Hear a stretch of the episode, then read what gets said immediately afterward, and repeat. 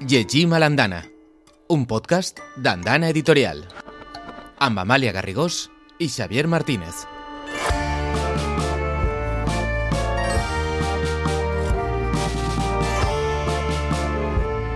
Avui llegim a l'Andana amb Dani, Kim i Olivia, tres xiquets de 5 anys que comencen les seues primeres lectures en infantil a l'Escola Comarcal de Picassent.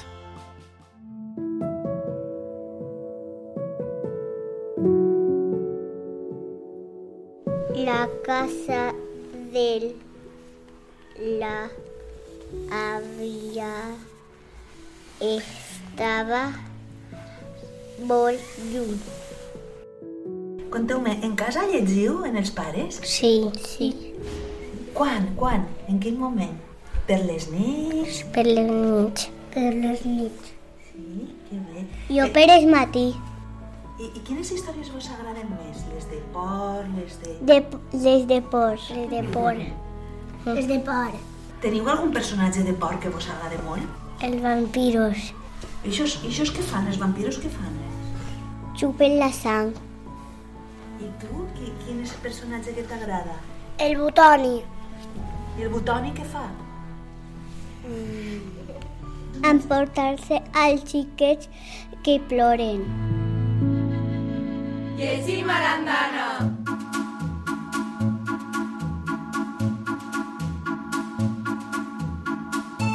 Jo soc Sara i com estic super agraïda perquè ho he llegit super bé, jo també vos vull contar un conte, ¿vale? Aquest és el conte d'Enric.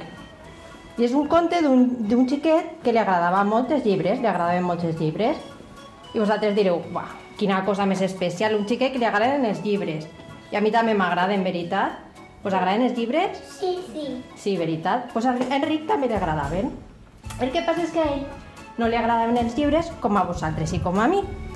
Perquè a Enric el que li agradava era menjar-se-los.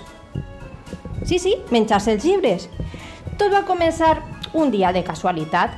Mireu, ell estava passejant pel carrer, va veure un gat que estava fent caca, i ella tota la curiositat va començar a mirar-lo i va tastar un cantoner del llibre i va dir, ostres, pues si està bo. I aleshores va agafar un cantonet, el va arrencar i tenia una lletra. I se la va tastar i estava bona. I aleshores digué, ui, si està bona una lletra, vaig agafar una paraula i se menja la paraula i...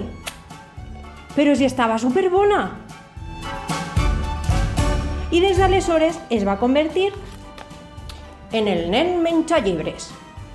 A més, passava una cosa super especial. I era que quan ell se menjava un llibre, bueno, se menjava llibres de totes les classes, eh? també de dir-ho.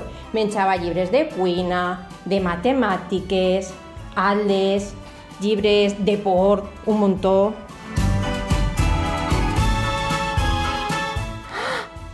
I era meravellós. I damunt sabeu què? Que tot el que llegia també li pujava al cap. I tot el que llegia se ho aprenia. I aleshores va pensar, és que si me llig molts llibres, també puc ser el més llest del món. Així que va decidir que des d'aleshores no menjaria cap llibre, només els llegiria. Encara que algunes vegades... I ja està. Molt bé, que xulos! Us ha agradat?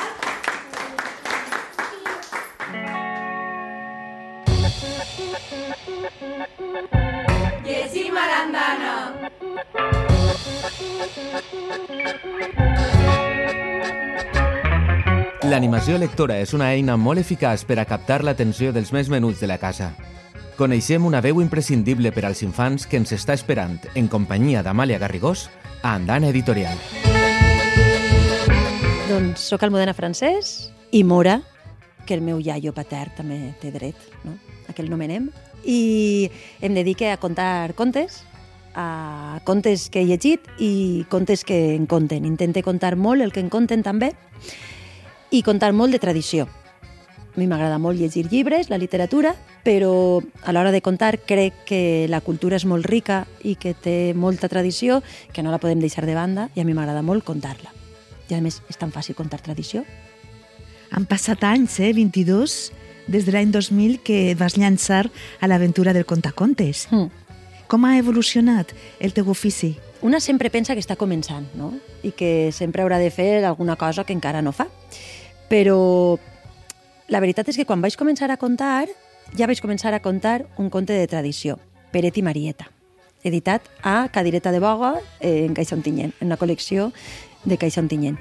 I el vaig començar a contar perquè eh, unes xiquetes amb les que vivia me van demanar que anara a la biblioteca a contar un conte, perquè pagaven 30 euros, que l'acabem d'estrenar els euros. I aleshores van dir, vas, contes el conte, pues, tenim 30 euros per gastar-se-los en un dinaret.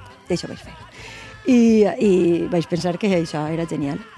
I des d'aleshores que vaig començar a contar allò, ja descobreixes quan tens davant un públic ampli i divers que no valdrà només la història, caldràs de posar molt de tu, no?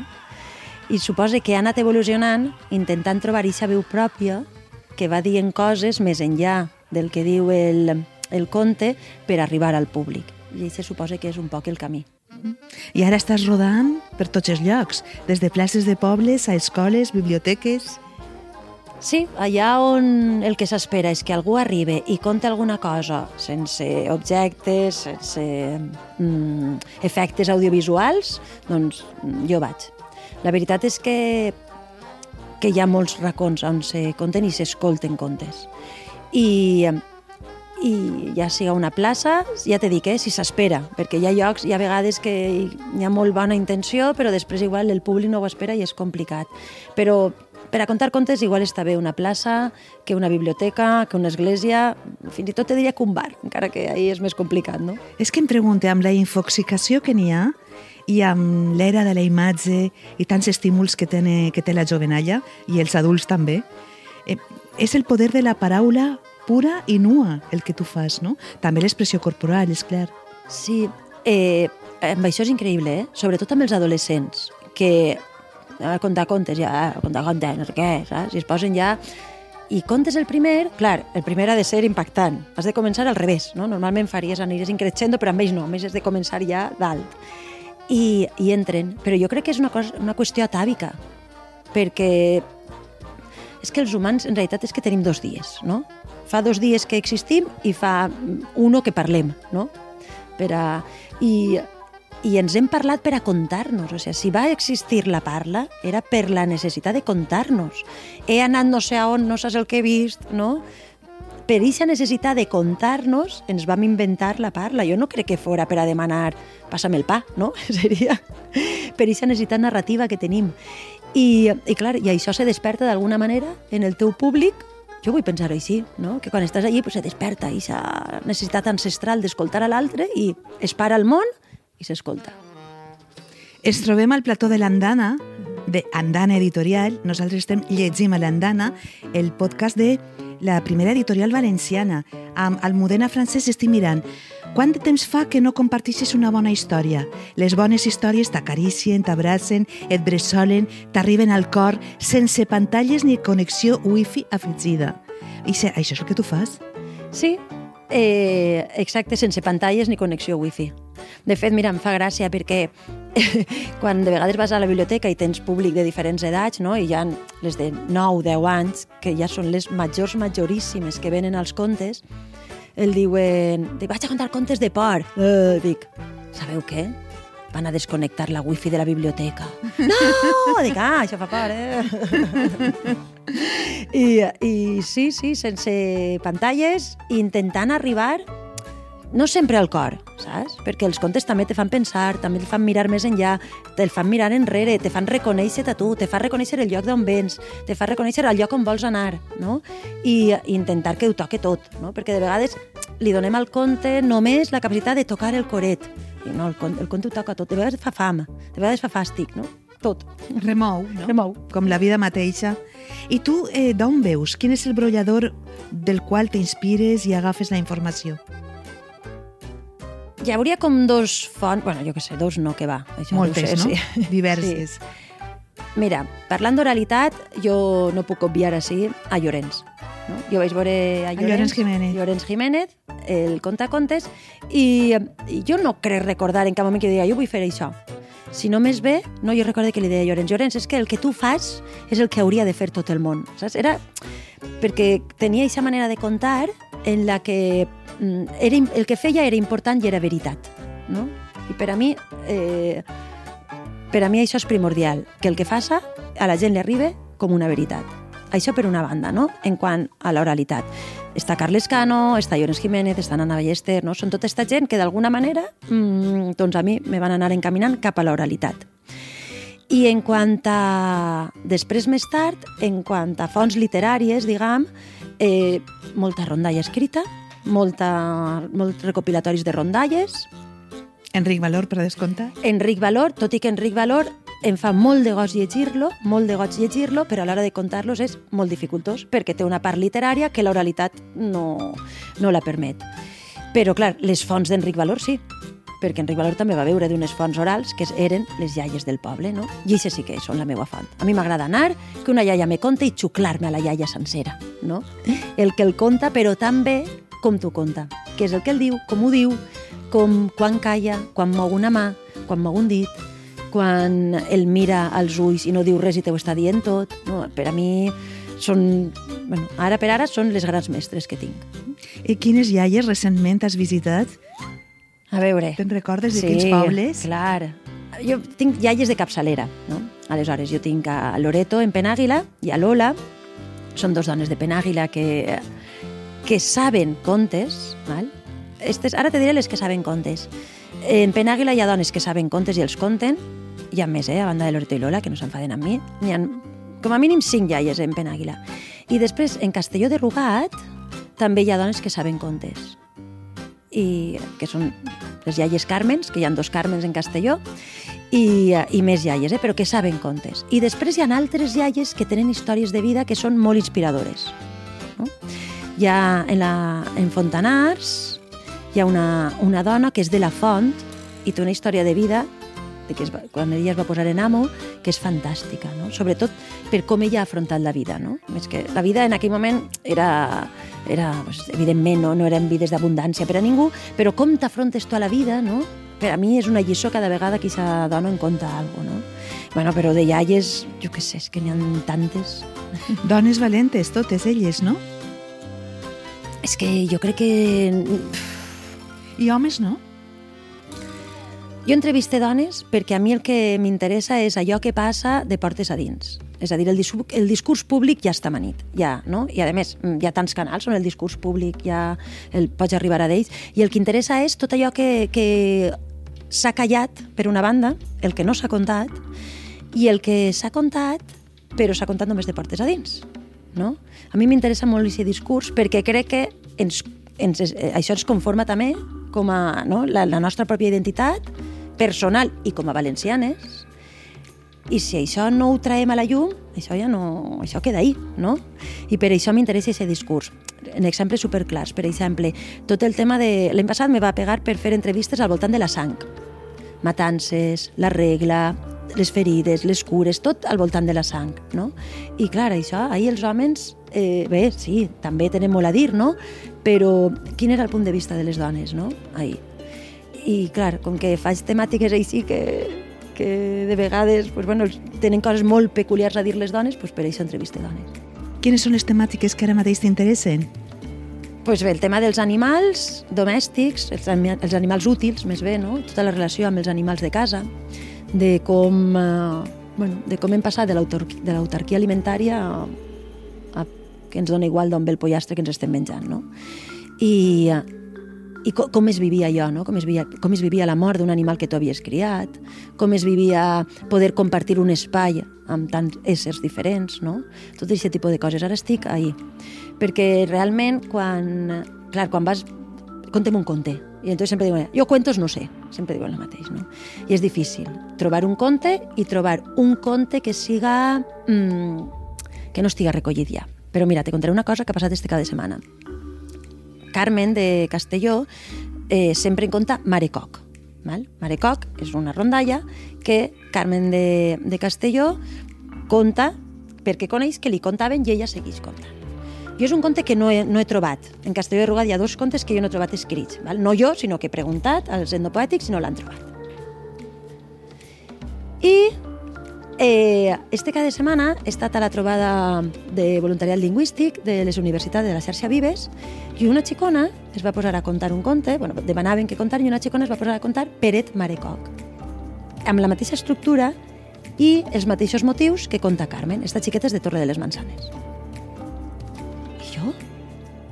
Clar, és que me va quedar, me vaig quedar perquè clar, és que una cosa és que una dona de Castelló de Ruat i una dona de Torre de les Massanes es podien haver trobat un dia al coll, però no crec que es contaren un conte ese dia quan es van trobar, no? Però com pot ser que dues persones distants conten un conte igual, no? Quin poder té l'oralitat de traspassar fronteres i seguir viva, no? I, i pense, ostres, i ara estic superinteressada en això, no? En dir, o sigui, ara estic interessada en que això no passi al llibre, en comptes de dir ara que bé ara recollir diferents versions i passar... No, doncs jo pensé, que interessant fer un estudi de com pot seguir això o com, com fem per a que este conte seguisca contant i es seguisca transmetent només per l'oralitat, no?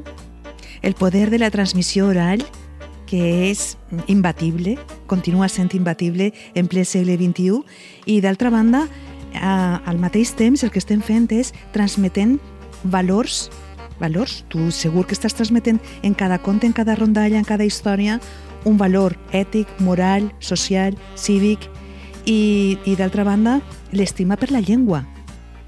Mira, dos coses ahí. El tema dels valors, eh, per a mi no té... O sigui, diguem, jo no penso en els valors. Jo mai contaré un conte que no estiga d'acord amb mi. Per tant, contaré certs contes i certs contes no els contaré. No tinc massa problemes en triar contes en el que totes les persones estiguen reconegudes. És a dir, no contaré sempre contes que les dones siguin valentes perquè jo no vull ser una heroïna. Contaré contes en què hi hagi dones valentes, que hi hagi dones covards, que hi hagi dones intel·ligents i d'alguna manera ja estic transmetent el valor que tots podem fer-ho tot. No? Però no amb l'única idea de que sigui així.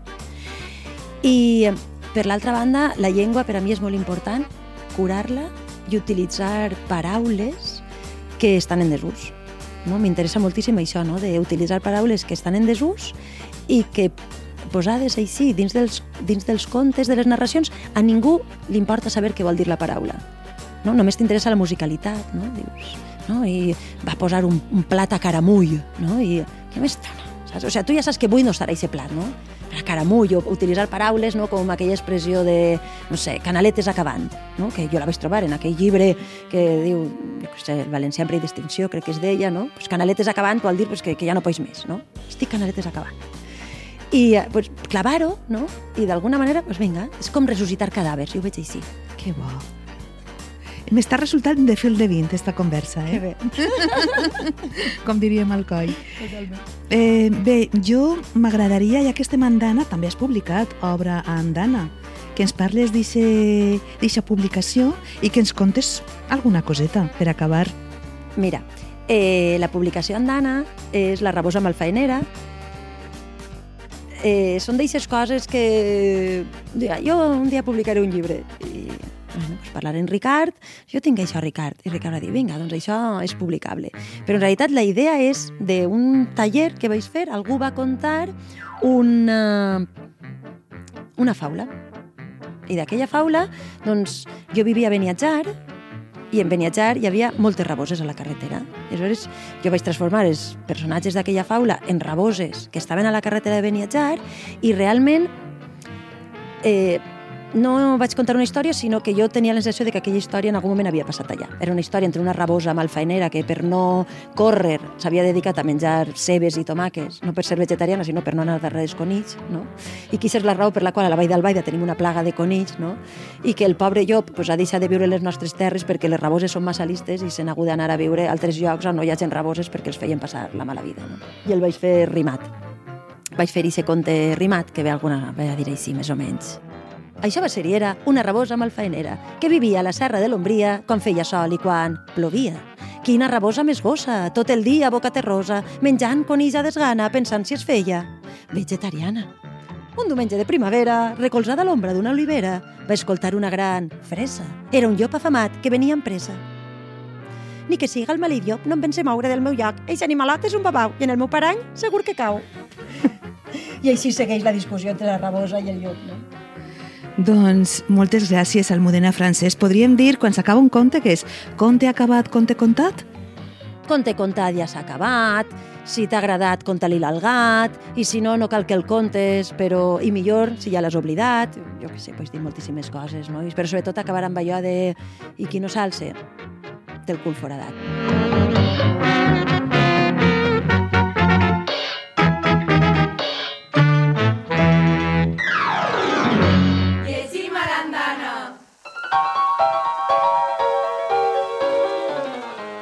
Abans d'acomiadar-nos de l'episodi d'avui, volem tornar a sentir les veus dels xiquets que es queden bocabadats amb les històries engrescadores d'Andana.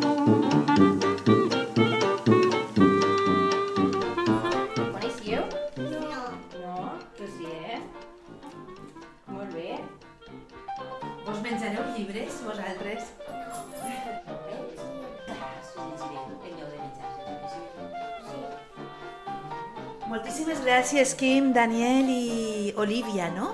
Llegiu molt bé en cinc anyets i ha sigut un plaer conèixer-vos. Així que, muacs! Gràcies.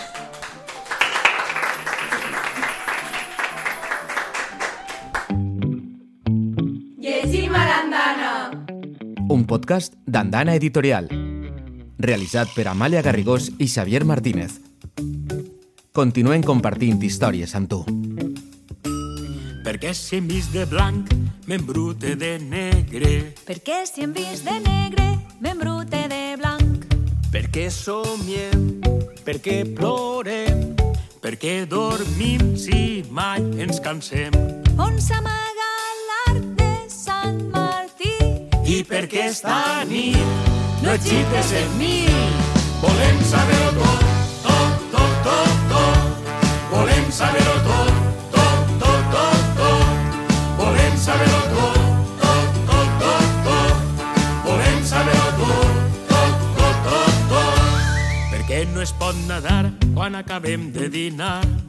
Perquè quan eres vell es fa blanc el cabell. On van els pingüins quan tenen fred? Perquè mon pare va tan espallet. Com es fa el sabó? On s'amaga el vent? Perquè en la Xina hi ha tanta gent. Volem saber-ho tot, tot, tot, tot, tot. Volem saber-ho tot, tot, tot, tot, tot. Volem saber-ho tot,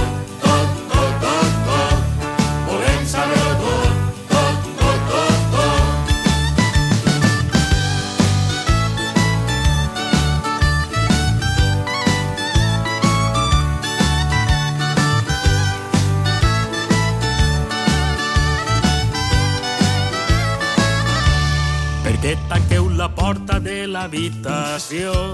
Per què dormiu juntets i nosaltres no? On va l'oroneta a la tardor? Perquè en estiu fa tanta calor? Per què embrutem? Per què mentim? Perquè està tot